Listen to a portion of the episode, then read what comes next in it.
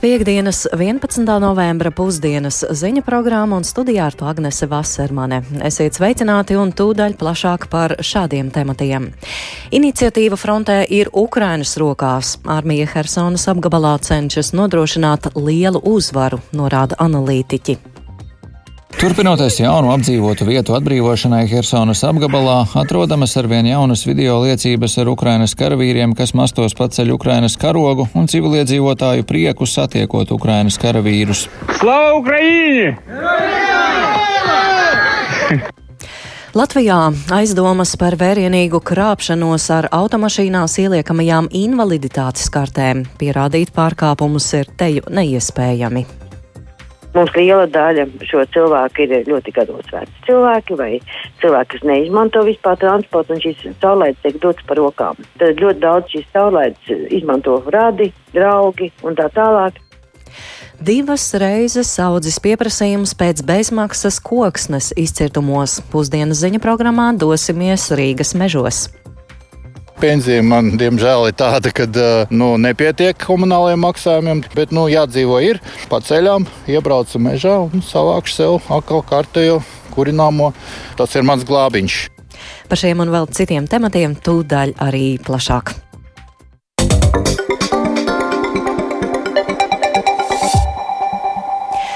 Šodien Latvijā ar svecīšu nolikšanu, lāpu gājieniem, koncertiem un citādi atzīmējam Lāčplēša dienu. Dienu, kad neatkarīgās un jaunās Latvijas armijas karavīri 1919. gadā 11. novembrī padzina no Pārdaugavas Bermonta Avālova karaspēku. Un ik gadu pieminot šo zīmīgo vēstures notikumu Lāčplēša dienā godinām Latvijas brīvības cīnītājus. Vairāk atceres pasākumi jau sākušies un šajā šajā brīdī esam sazinājušies ar mūsu korespondentu Viktoru Demidovu. Sveiks, Viktor! Sveika, Agnese! Sveicināti Latvijas radio klausītāji! Jā, tu arī esi šobrīd vienā no Lāčplēša dienas pasākumu vietām, šķiet tajā vistuvākajā pie radio mājas vecrīgā. Jā, tieši tā. Šobrīd es atrodos vecrīgā pie pulveru torņa, kur apskatāma Latvijas un sabiedroto bruņoto spēku militārās tehnikas un ekipējuma izstāde. Spītējot laikapstākļiem, vēl pirms brīža mazliet lija, lietus uh, ir sapulcējušies diezgan daudz bērnu un jauniešu, uh, kuri ieradušies kopā ar saviem vai nu vecākiem, vai arī ar skolotājiem. Var novērot, ka cilvēki ir pozitīvi un bērni, piemēram, labprāt apskata tehnikas, ielien iekšā, stāv garā rindā un, un, un tik raujas iekšā, lai apskatītos, kā izskatās sabiedroto spēku militārā tehnika no iekšas, ne tikai no ārpuses, kas ir Viena no tām tehnikām, piemēram, ir spāņi, Spāņiem piedarošā, otra ir Latvijai. Un, jā, var pamanīt, ka vairākiem cilvēkiem pie krūtīm ir, Latvijas, ir lentītes Latvijas karoga krāsās, un vairākiem skolāniem es redzēju rokās arī ziedus, tad, kur ir ieradušies uz uz, pie pulvertorņa, jā, un gaida rindā. Iespējams, arī tālāk kaut kur dosies. Jā, tad runājot, kas notika arī Rīgā, tad no rīta Rīgas doma, doma baznīcā norisinājās ekumeniskais dievkalpojums, kurā piedalījās arī valsts prezidents Egils Levits. Pēc tam valsts augstākās amatpersonas kopā ar Nacionālo bruņoto spēku komandieru Leonīdu Kalniņu nolika vainagus Rīgas brāļu kapos, godinot Latvijas cīnītājus. Uh, un, ja runājam par visu, kas notiek visas dienas garumā, tad uh, Nacionālajā vēstures muzejā uh, var apskatīt Latvijas armijas ģenerālim Jānim Balodim piederējušo Lāčplēša kara ordeņa pilno komplektu gaidām arī dažādi citi pasākumi o, muzejā. Jā, tas tad, tad Rīgā, bet vai Viktor var arī īsi ieskicēt arī nedaudz par brīvības cīnītāju atceres pasākumiem šodien ārpus Rīgas? Jā, ārpus Rīgas ir visai plaša pasākuma programma. Tā ir gan kurzemē, gan arī eh, vidzemē, latgalē, zemgalē, visā Latvijā. Piemēram, Kuldīgā eh, bruņotu, notiek eh, bruņoto spēku struktūra vienību prezentācija. Alūksnē noliek ziedus pie Lāčplēša kara ordeņa kavalieru atdusas vietām un daudz, daudz dažādu. Daugopilī atzīmēja Latvijas jā, vārdu sakot, visdažādākie pasākumi, kas norit Latvijā. Ja es arī aprunājos ar cilvēkiem un atgriežoties pie notikuma vietas, kur es šobrīd atrodos, tad cilvēkiem noskaņojums ir pozitīvs. Tad lūdzu paklausīsimies, ko cilvēki pie pulvertorņa Latvijas radio ir pastāstījuši patriotiska noskaņa, jā, nu, aizsargāt savu tēvu zemi, ko senči mums ir pierādījuši, un, un turpināt to darīt arī mūsdienās. Ar Latvijas no pasakas. Ar uzvaru. Ar uzvaru pār ko? Par uzvaru uh, Bermatiešanu. No vēsturisku, protams, jā. Tas viss ar visu atbrīvošanu. Parasta diena, neesam lieli patrioti. Kāpēc? Nezinu, neesam par to aizdomājušies. Bet, uh, jā, svinīgs noskaņojums um, par Latviju un par brīvību. No Latvijas diena ir Latvijas jau pirmām kārtām. Tas ir ar varonīgām cīņām.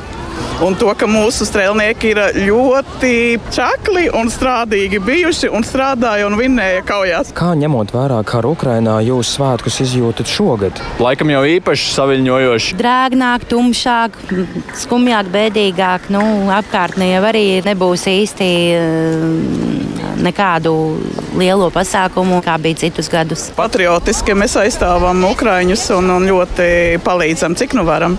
Daudz emocionālāk. Šādi tāda asariņas paliek. Mēs tikko nolikām svecītes pie, pie mūra, un tas bija tāds neliels aizkustinājums. Jā, tas tad, iedzīvotāju sakāmais par Lāčplēša dienu un Lāčplēša dienas izjūtām.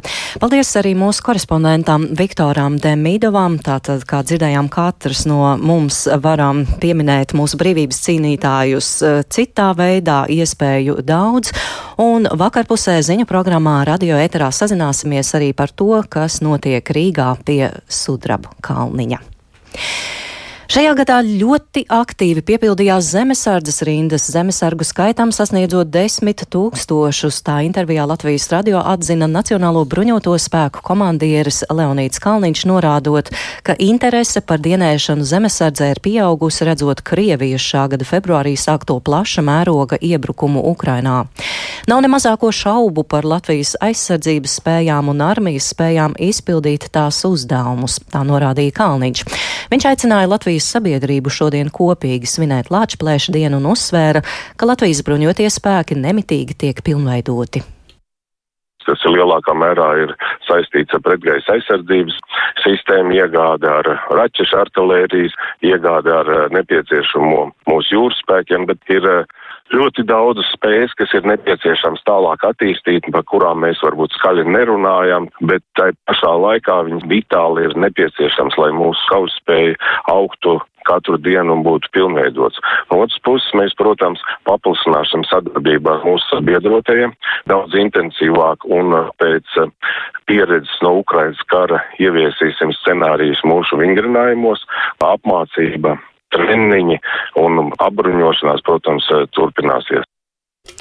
NBS komandieris arī uzskata, ka obligātajā militārajā dienestā būtu jāstājas visiem Latvijas pilsoņiem, izņemot tiem, kuriem ir veselības problēmas un sodāmība.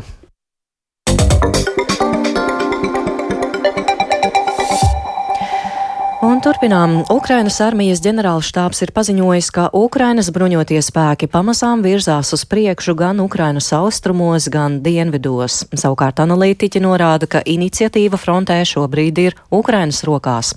Plašāk stāsta Rihards Plūme.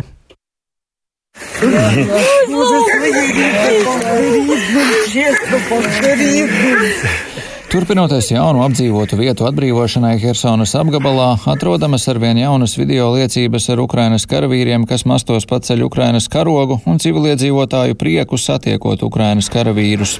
Slava Ukraini! Ukrainas prezidents Valdemirs Zelenskis savā ikvakara uzrunā vakar norādījis, ka Ukrainas bruņotie spēki Hersonas apgabalā ir atbrīvojuši no Krievu okupācijas vēl 41 apdzīvotu vietu.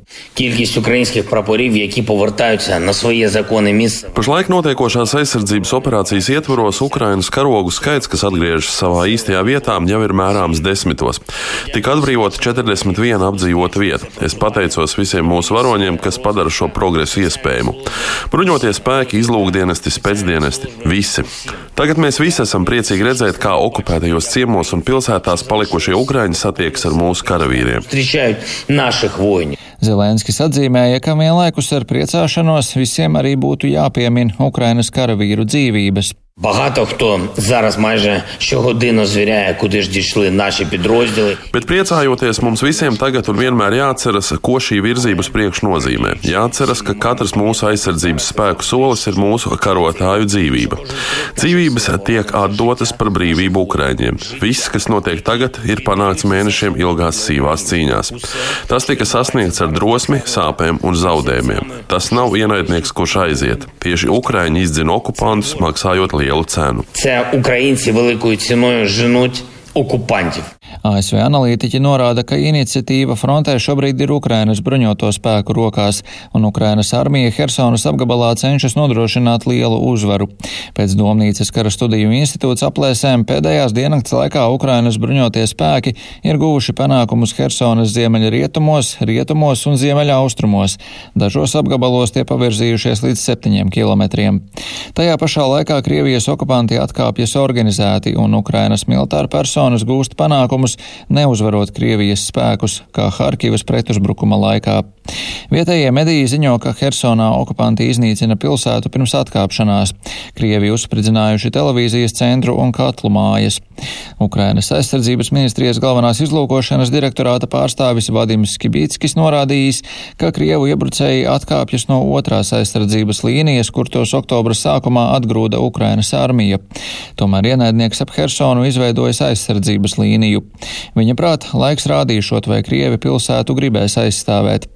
Tikmēr Ukrainas aizsardzības ministrs Oleksijas Rezņikovs sacīja, ka Krievijai būs nepieciešama vismaz nedēļa, lai izvestu no Hersonas okupācijas karaspēku. Pēc aizsardzības ministra teiktā, Krievija Hersonas apgabalā tur aptuveni 40 tūkstošus karavīru. Okupācijas karaspēks joprojām atrodas Hersonā un priekšpilsētās, kā arī Ņepras labajā krastā. Viņš par smieklīgu uzskata domu, ka atkāpšanās laikā Krievi uzspridzinātu Kahovkas hidroelektrostaciju, jo dāmbja sagraušana novestu pie Krievijas kontrolas kontrolēto teritoriju aplūšanas. Analītiķis Marks Galeotī norāda, nav izslēgts, ka Krievijas paziņojumi par atkāpšanos var būt apmāns. Tas ir iespējams. Šis karš līdz šim lielākoties ir noritējis atšķirīgi no prognozētā. Bet no otras puses, tas ir kaut kas tāds, kam ir arī militāra jēga. Un ir skaidrs, ka ģenerāļi jau vairākas nedēļas bija vēlējušies aiziet no Helsonas. Tā ir diezgan neaizsargājama. Drīzāk Putins ir spītīgi turējies pret šo soli, jo tieši tas ir paliels politisks apkaunojums - zaudēt vienīgo lielo pilsētu, ko viņi ir sagrābuši. ASV aizsardzības ministrijas preses sekretāra vietniece Sabrina Sinha izteikusies, ka tiek novērotas dažas pazīmes, ka Krievijas spēki tiek atvilkti no Helsonas, bet esot pāragri nākt klajā ar vispārīgu novērtējumu par to, ko tas nozīmē. Rihards Plūme, Latvijas radio. Eiropas komisija rosina pārskatīt finanšu disciplīnas prasības Eirozonā. Kā to plānots darīt, no Briseles stāsta Ārķams Konohaus. Koronavīrusa pandēmija, kā arī karš Ukrainā un tā radītā enerģētiskā krīze ir likušas Eiropas valstīm pamatīgi aizņemties, lai atbalstītu iedzīvotājus un uzņēmumus. Līdz ar to ievērojami pieaug valstu ārējais parāds. Pašreizējie noteikumi prasa, lai ārējais parāds nepārsniegtu 60% no IKP. Tomēr vidēji Eirozonā šis rādītājs ir ap 95%. Tādēļ gan politiķiem, gan ekonomistiem kļūst arvien skaidrāks, ka ātri samazināt parādu neizdosies. Līdz ar to Eiropas komisija šonadēļ nāca klajā ar idejām par to, kā varētu izskatīties jaunie finanšu noteikumi stāsta Eiropas komisijas priekšsēdētājs izpildvietnieks Valdis Dombrovskis. Vienkāršāk sakot, mēs virzamies tiešām uz varbūt netik striktām prasībām dalību valstīm attiecībā uz valsts parāda samazināšanu, jo attiecībā it īpaši augsta parāda valstīm pašreizējās prasības ir nu, teiksim, ļoti grūti izpildāmas. Tad no vienas puses pakāpeniskāka parāda samazināšana, no otras puses striktāka šo nosacījumu piemērošana, tātad automātiski teiksim, pārmērīga deficīta depozītu procedūru īstenošana, un mēs pārskatām arī iespējamās finansiālās sankcijas. Parāda samazināšana esot tikai viena no vajadzībām, par ko būtu jādomā. Piemēram, tagad valstīm būtu daudz jāiegulda, lai atteiktos no fosiliem kurināmajiem un cīnītos ar klimata pārmaiņām. Par to atgādināja arī Eiropas parlamenta zaļo grupas līdzpriekšsēdētājs Filips Lamberts. Kopumā viņš pozitīvi vērtē komisijas priekšlikumu, bet uzskata, ka būtu jāiet vēl tālāk, lai nodrošinātu, ka taupība netraucē veikt zaļās investīcijas. Country, Ja es būtu tā dēvētās taupīgās valsts premjerministrs, tad es gribētu mainīt pašreizējos noteikumus, jo es zinu, ka, ja mēs atjaunosim pašreizējos noteikumus, kas patiesībā nekad netika piemēroti, tie arī turpmāk nekad netiks piemēroti. Tādēļ, ja kāds vēlas, lai noteikumi pastāvētu tikai teorētiski, nevis praksē, tad vienkārši atjaunojiet pašreizējos noteikumus. Bet, ja jūs vēlaties, lai mums būtu noteikumi, kuriem ir kaut mazākā varbūtība tikt ievērotiem, tad tos ir jāmaina, jo pašreizējos gluži vienkārši nav iespējams iespējams piemērot. Jāatgādina, ka pagaidām budžeta deficīta un valsts parāda noteikumi Eirozonā ir iesaldēti, jo valstīm ir vajadzīga nauda krīzes pārvarēšanai. Tomēr 2024. gadā ierobežojumiem vajadzētu atkal stāties spēkā.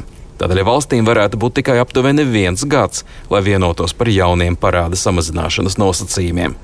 Ar jums Konahas Latvijas Rādio Briselē.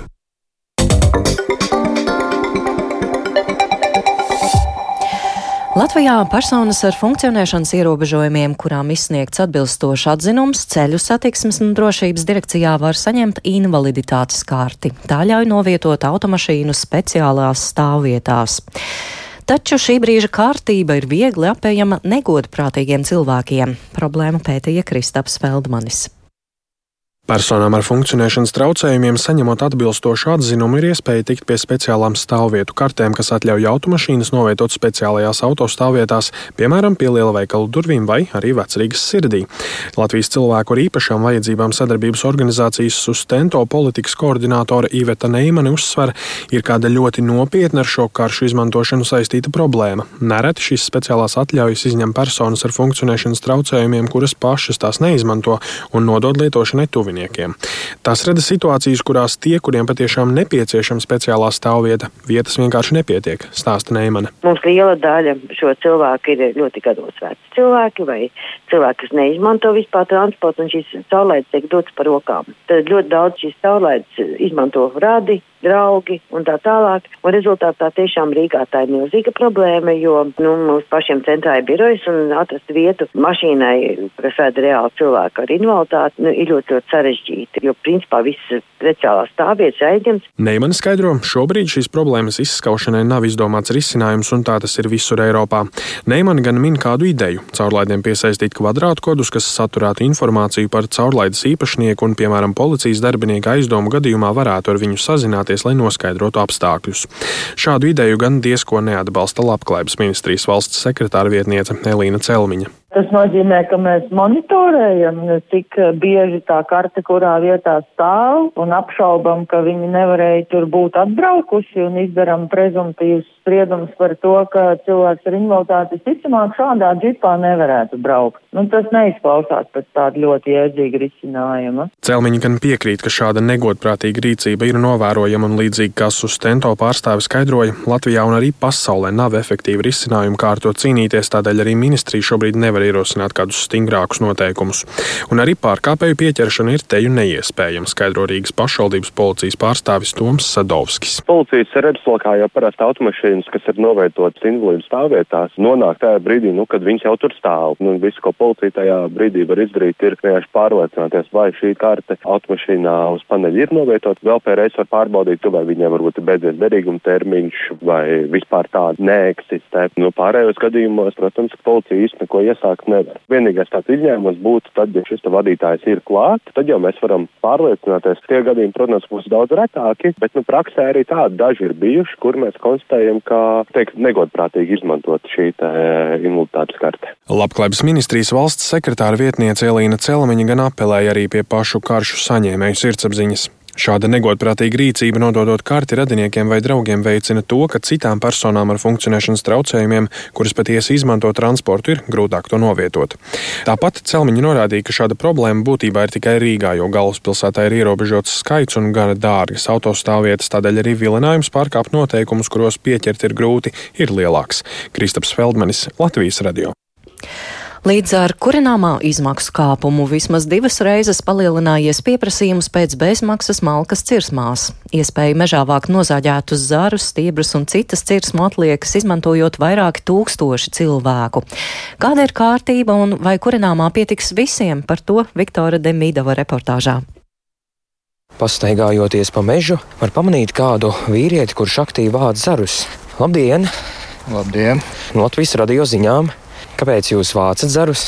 Kurināmām man ir atļauja. Pensionārs Nikolais Kukne kādā no galvaspilsētas mežniecībām cīrsma atliekas sācis vākt tikai šomēnes. Lai gan viņam dzīves vietā esot gāzes apkure, mājās saglabājušās krāsnis, kuras tagad kurināt esot izdevīgi. Pensija man, diemžēl, ir tāda, ka nu, nepietiek komunālajiem maksājumiem. Es gan pieteicos mājokļu pabalstam, bet mums ar vienu roku dod, ar otru ņem nost, diemžēl. Bet, nu, jādzīvo ir pa ceļām, iebraucu mežā un savākšu sev atkal kārtējo kurināmo. Tas ir mans glābiņš. Mežā var sastapt dažādas cirsmu atliekas. Pamatā tie ir priežu zari, bet ir sastopami arī dažādi krūmu zari. Paratam var manīt arī kādu apsi. Piemēram, šeit tā izskatās ir kādus pusotru metru gara un resnumā aptuveni 10 centimetri. Šeit bija zaru krautuves vieta, kur uh, tika pievesti zari no apkārtnes, aizvesta, sašķeldota, un viss, kas ir palicis šeit, šo visu var vākt projām. Rīgā Juglas mežā iedzīvotāji var vākt koku un krūmāju atliekas aptuveni 120 hektāru lielā platībā. Galvenais ir jābūt atļaujai un jāievēro arī noteikumi. Drīkst ņemt visa veida cirsmu atliekas, kas ir līdz 20 cm diametrā. Ja ir resnāks, tad garumā auga daļa drīkst būt ne vairāk kā metru. Tā skaidro mežzinis Modris Martinovs no uzņēmuma Rīgas meži, norādot, ka īsināt garos stumbrus vai zarus ir aizliegts. Ekoloģiskie koki tiek atstāti bioloģiskai daudzveidībai, kā mājvieta dažādām kukaiņu sugām, arī putniem. Tā ir teiksim, tā barības bāze. Kāpēc vispār ir nepieciešama tā atļauja, ja jau ir bezmaksas? Tāpēc, lai iedzīvotāji šos lielos sausos kokus neizvāktu. Rīgas mežiem ir saistošie certifikāti, kur mums uh, nosaka par pienākumu atstāt konkrētu sausās, kaltušās, kritušās koksnes apjomu uz hektāru. Kāpjot energoresursu izmaksām, pieprasījums pēc bezmaksas kurināmā ir teju divreiz lielāks nekā pērn, kopumā reģistrējot vairāk nekā simt iesniegumu. Tā ziņo Rīgas meži par visām piecām uzņēmuma mežniecībām, no kurām četras atrodas ārpus galvaspilsētas. Rīgas mežniecībā cirsmu atlieku tagad visvairāk ir Juglas mežā, kura gada laikā laikā interesantu skaits pieaudzis iespējams pat vairākas reizes, norāda Martinovs. Iedzīvotāji zvana, es viņam izstāstu to procedūru, tad jau gaidu no viņiem to iesniegumu. Jūglas meža izstrādes laikā ir zvanījuši aptuveni 30 cilvēki, jau 5 tikai ir uzrakstījuši iesniegumus. Ja, tad nedēļas laikā es cenšos jau saskaņot. Rīgas meži atļauju vākt cirsmu atliekas dod uz 30 dienām kādas mežniecības konkrētajā teritorijā.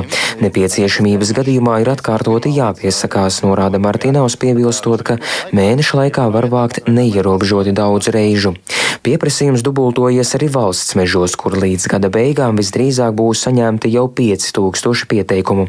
Latvijas valsts meža pārstāvis Guntis Čepaniks prognozē, ka kurināmā pietiks visiem interesantiem. Ikgadēji tā pieredze rāda, ka tomēr visi cenšas jau pavasarī sākt interesēties un nodrošināt, jo malkai jau arī ir jāizžūst līdz apkuras sezonai. Nav tā, ka ir augstums un tad ir pieprasījuma pieaugums. Nu, tā arī negaidām. Lai gan par atļauju un pašu kurināmo maksāt nevajag, mežsargi tik un tā atrod cilvēkus, kuri darbojas nelegāli. Par tādu rīcību var būt piemērots sots. Viktors Demidovs, Latvijas radio.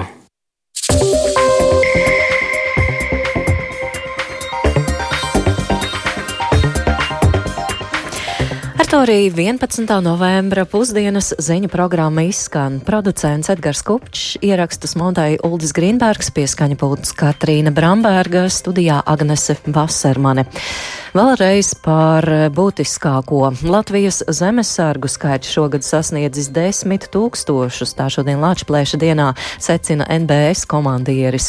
Iniciatīva frontē ir Ukrainas rokās. Armija Hersonas apgabalā cenšas nodrošināt lielu uzvaru, tā norāda analītiķi.